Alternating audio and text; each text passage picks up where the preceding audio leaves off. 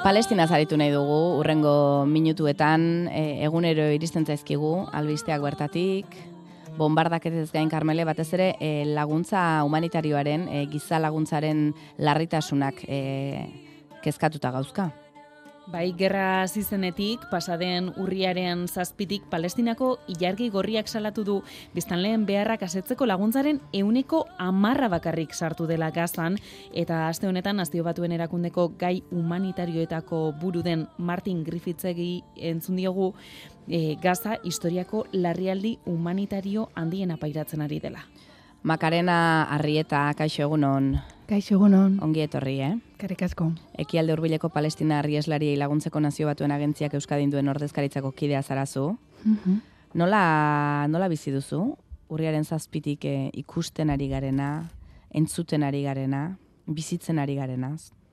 Bueno, ni egia esan e, urte amazkit e, erakunde honetan, eta, bueno, e, ez da inoizolako ezer bizi, bai, lankida komentatzen digute urte asko amazkitena bertan, horrelako ekestala inoiz ikusi, eta, bueno, ba, kezka hundiarekin, e, gertatzen da inguruan, eta eta ikusteko ere bai nola bukatuko hau dena bukatzen badegunen batean, eta, bueno, kezka, kezka hundiarekin.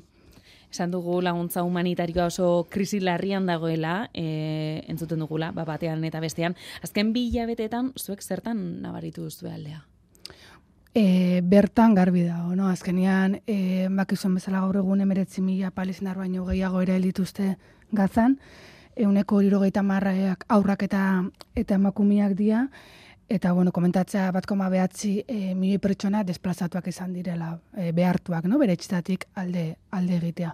Orduan bertan gertaten nahi dan, lehen esan bezala inoz ez da ikusi, orduan nahi baritzen dena hori da. Osa, ereketa guzti haue, leku aldatzeak, eta ere bai, bertan unruak dezkagun ikastetxeak nola babesleku bilakatu dira, no? Mm. Babeslekua dira, baina, bueno, gaur egun babesleku horiek biak eta arazo handi badukate beste gozan artean, hor, esan bezala oso egoera larrian, larrian daude. Unrua diozunean, e, eh, kialdo urbileko palestinarri eslari laguntzeko nazio batuen agentzia zari gara, unrua, mm -hmm. ala dituko diogu hemendik aurrera. Mm bertan e, lanean ari direnak ere, e, hil dituzte? Bai, e, justu gaur egun, oza, gaur datuak ikusi ditut, eta ia egun dago mazei, e, lankide ere dituzte bertan. Ze komentatzea unruako lankide uneko laro gaita meretzea, palestinako errefusatua dira. Hau da, bertan bizi direnak eta bertan lan egiten dutenak. Eta zuentzat, momentu honetan, zaila izango da lan egitea, edo ze egoeratan daude bazure lankideak? Karo, bertan momentu honetan lehenengo gauza bizi dutea, zegoeran dauden bezala hori da no, lehentasuna, eta bestalde baiek lanean jarraitzen dute. Oso egoera txarrean, baino jarraitzen dute ikastetxetan ezen bezala babeslekuetan, alduten einean aigatzen den, zuk esan bezala laguntza humanitario txiki hori, mm. hori aigatzeko eta bertako pertsonei emateko, orduan oso egoera txarrean daude behek ere bai. Bai, ze, em, sarraski elertu aurretik ere gazan zauden 2 milioi lagunen bizirapena euneko laro gehian zen kanpotik jasotzen zuten laguntza mm -hmm. humanitarioei esker e, edo bide horrek bermatzen zuena eta orain, e, bertan lan egiteko, e, zein dira zuen moduak edo nola dago egoera? Ba, asko esan bezala, lehen egoera txarra balin bazan, gaur egun, asko, asko txarragoa da. E, zekaro, kon, kontuan uki behar bai gazako egoera, gazak urria zazpi baino lehenago, gaza blokeo egoera batean bizi izan. Osa, gazak amazi urte amazki blokeatuta izaten, itxasoz, airez eta eta lur, ez tala, asko esan bezala, laguntza humanitarioa menpe bizi zian. Ba, imaginatu, gaur egun ez ezkat azken momentuko datuak hori ikusiko du pixka luzera, baina portzentai hau, garbi dau, igoingo dala igoingo dala, eta, bueno, blokeo baten bizi delako, e, bombardak eta pean bizi delako, eta, bueno, e, ba, hori, setioaren e, ondorioak ikusiko ditugu, baina oso larriak izango dira, azkenean ja, hitz egiten hasiko gara gozeteaz, eta egatxotasun desberdinez, orduan, bueno, ba, asko okerragoa. Eta zuek harremanetan zaudete hango Palestinako lankideekin nola nola mantentzen duzu harreman hori? Bai, ni zuzenian ez hezkuntzako koordinatzailea naiz, hezkuntza proiektuena, baina bai lagun gure lankide laguntza humanitarioko proiektuak aurrera ematen dituztena, beraie bai, azkenean beraiek dira egunerokotasunean, e, hori, ba baiekin lan egiten duten. Orrun baiek dira kontaktatzen dutena zuzenian. Bai. Mm. Eta e, nola antolatuta zaudeten nazio artean? E, laguntza laguntza bertara bidaltzeko. Bai, bai. gu momentu honetan hori azkenen urruatikan laguntza deialdi desberdinak egin dira, laguntza deialdi hori e, jasotzian e, bertara bertara bialtzen da. Bueno, bakizuen bezala e, aldenian, ezta? E, e, aldenian sartu, e, ateak irikitzen direnean, ze, bueno, esan bezala bloke egoera honen aurrean, ezin dugu laguntza, nahi duen laguntza humanitario guztia sartu. Ben sartzen denean, bertan unruako langilea gestionatzen dute laguntza humanitario guztia. hau. Mm. Ze azkenean unrua da, eke alde urbien, bueno, zehazki gazan dagoen e, operazio humanitario handiena, ordu behaiek terrenoan gestionatzen dute hau dana. Mhm. Eta zu, Euskadiko ordezkari itzan zabiltzan lanean, hemen nola egiten duzuelan? Ni naiz hori Euskadiko hezkuntzako atzailea, guk egiten dauna da, unru askadi sortzen da 2006 urtean bi helburu nagusikin. Alde batetik Euskal Herritarrei ezagutaratzea Palestinako refuxiatuak zegora bizi duten eta Palestinako lurralde okupatuetan ze giza eskubideen e, bortxaketak pairatzen dituzte eta bestalde ere bai ze laguntza humanitario mota egiten dugun terrenuan. Horren hezkuntza lana hori da sentsibilizazioa eta mobilizazioa bertan gertatzen den egoeran ingurua. Gero bai badaukagu lankidak esan bezala laguntza humanitario proiektu zuzena gestionatzen dituztenak, baina gure kasuan hezkuntza proiektuak eramaten ditugu aurrea. Beraz, hemen, ez? E, eta mendebaldeko ikaslei azaltzen diezu zein denango egoera. Hori nola egiten duzu, eh?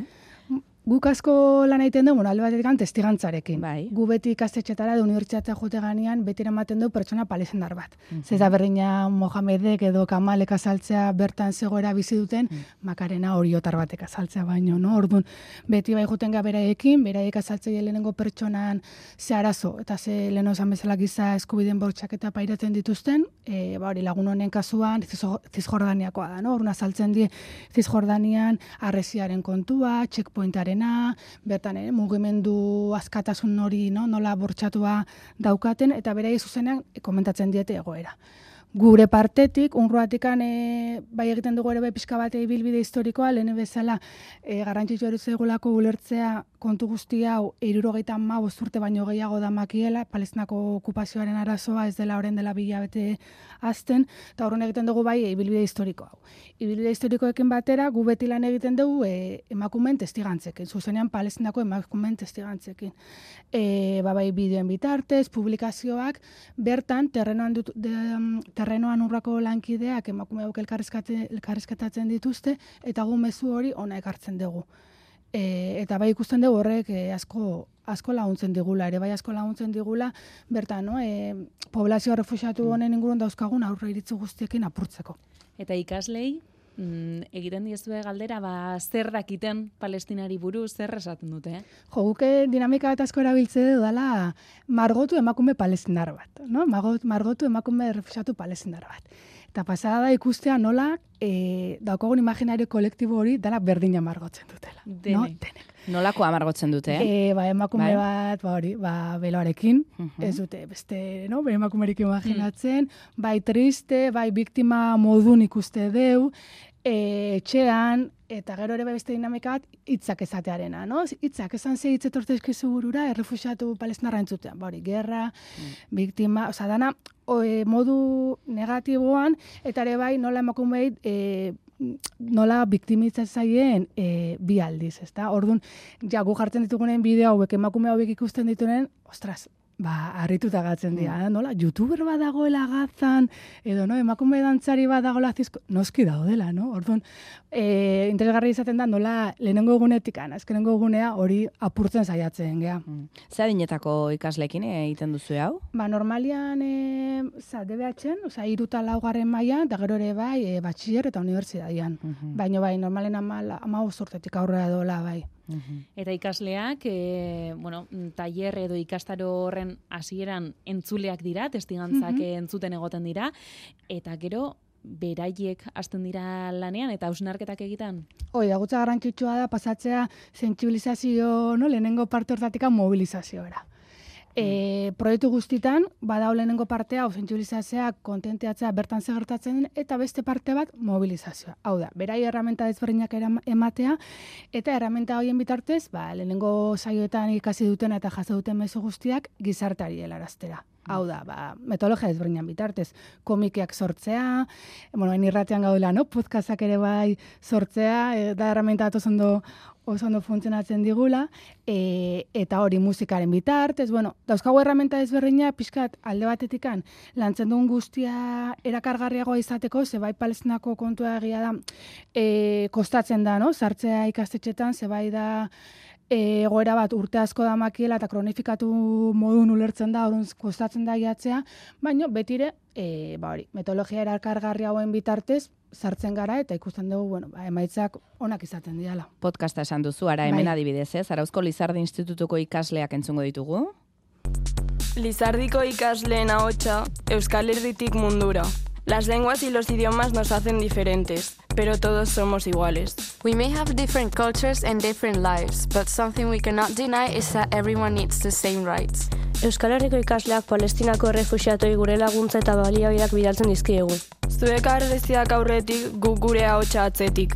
We believe that someday Palestine people will be able to split the wings. It starts with a two, it ends with a three. Once was a person that won't be set free. Irizkuntzatan eginda podcasta, ehortik aurrena nola jarraitzen dute, eh, Makarena?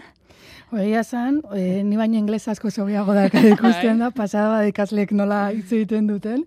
Eta, bueno, ba, hortikan podcasta jarraitzen dute hori, e, historia desberreinak e, zauten dituzte, lehen esan bezala, testigantzak eta bizitza historia desberreinak, eta historiaitatik abiatuz podcasta sortzen dute. Mm. Horren bertan podcasta daude, ba, elkarrizketak, daude albiste modun, horren, zera, mota desberreinak erabiltzen dituzte, beti hori, esan dago, apalezenan bizi duten egoera eta pertsona hauen bizitza ezagutzera eramateko eta esan oso maitza politak ateratzen dira.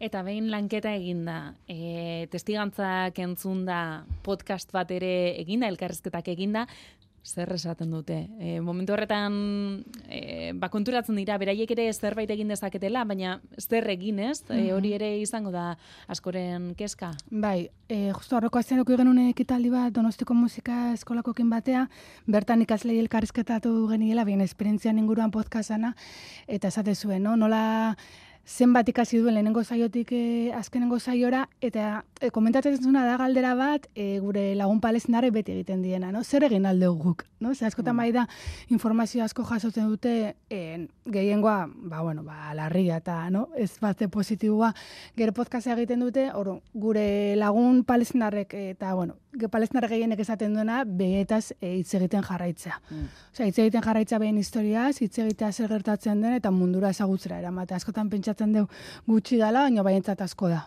Ja, anzturan ez, ez geratzeko ez da. Hori da, bai. bai. Makarena, zu inoiz eh, izan altzara palestinako ere muan? Bueno, nintzen dela urte batzuk, lagun batekin, baina etzen bidai kontua izan, e, eta ustaian nintzen aurreko ustaian e, e, Libanon. Zekar, azkenian palestina refusiatuak bost ere mutan daude, no? Jordania, Siria, Libano, Gaza eta Jordania, eta bost ere muietan egiten du lana honruak. Orduan, beste proiektu baten abian bai egon itzan Libanon emakume palestarrak lanean, baina hori palestinako lurraldo okupatuetan bertan, e, nire kabuz urte batzuk egon itzan, bai. Eta nolakoa izan zen zuretzat Libanoko esperientzia hori? Ba, aldatetik gogorra ikustea zein egoeran bizi diran. Segia Libano dala, bost ere mu hauetatikan, e, palestinako refusiatuak bizi duten egoera aukerrenetakoa. No? azkenean ez daukate e, bertako pertsonen estatuz e, berdina, bigarren gobiztan leria moduan e, ezagutzen zaio poblazio eta bueno, arazo, arazo osa hundia eskalanga beziak, berrogei lan lanbide baino gehiagotara ezin dira, mm. ez no, ezin dute lan egin palestinarak izategatikan, gero hor, e, Libano izan bezala inflazio arazo handia dago, e, diruaren, no? E, balorazioan kontua, hor, jungianen ikusi genuen, e, arazo asko pairatzen dituztela baita ere bertako e, refusiatu kanpalekutan. Mhm. Baino, bai proiektu emakume refusiatuekin egindakoa da, errezeta liburu baten inguruan, eta bai ikusi ere bai nola emakume hauek zen estrategia desberdina dauzkaten bizira uteko eta aurrera eta aurrera egiteko. Eta nola askotan, zukaldak eta gastronomia nola laguntzen duen, ez da, baien identitatea, palestindar kultura hau bizirik e, jarraitzen irauteko. Orduan, bueno, balde batetik bai, e, bertako egoera larriarekin ba, bueno, ba, ba, hori, ba, impresionatuta, no? baina bestalde ere bai ikusi genuen nola, emakume hauen nola, zenbat estrategia euskaten, zaskotan pentsatze deu, lehen esan bezala, daukagu imaginario kolektiboa, hone, emakume hauek e, biktimak direla eta ez dutela zer egiten baien bizitza no, aurrera egiteko eta asko egiten dute uste, duna baino bastante gehiago. Unruan e, urrengo hilabetetan, baldak izuen onjarri beharko dituzuen indarrak, edo nora, nora begira zaudete makarena, zeintzu dira zuen helburuak? Jo, ba, gaur egun ez dakigu zehazki nola ongo den kontua ba, hori azte bete barru, bi azte barru. Baina, bueno, horre lehentasuna izango da hori dagoen zuntxipen guztia konpontzea, ez da? Eta lehen esan bezala, ba, gozetea eta gaixotasun arazo hauei aurre egitea. Orduan, lehentasuna hori izango da. Baina ikusi behar dugu nola urrengo astetan nola joango den gauza. Bai. E, eta orokorrean ba ilun ikusiko duzu etorkizuna, e, ala suposatzen dugu behintzat. Nola egiten duzu? Ba, argi printzak ere hor daudela konturatzeko eta horiek ere ikusteko. Esperantza mezuak bidaltzea ere beharrezko izango da horrelako kasuetan, ez? Bai, eta lehen esan bezala horreko kasutan e, palezendarkin kontatzen dugu. Osea, behaiek dira esperantza no? e, argitasunago ematen digutenak. Beraiek dira esaten digutena lehenengoak e, eskerrik asko, osea, ontaz hitz egitegatik, e, gertatzen aina ezagutzera eramategatik, eta guretzat argizpia ba, be, beraiek dira. Eta beraiekin lanean jarraitzea palezendarrekin. Mhm. Zuri, e, makarena, kooperaziorako grina zak piztu zizun, edo noiz, e, noiz hasi zinen?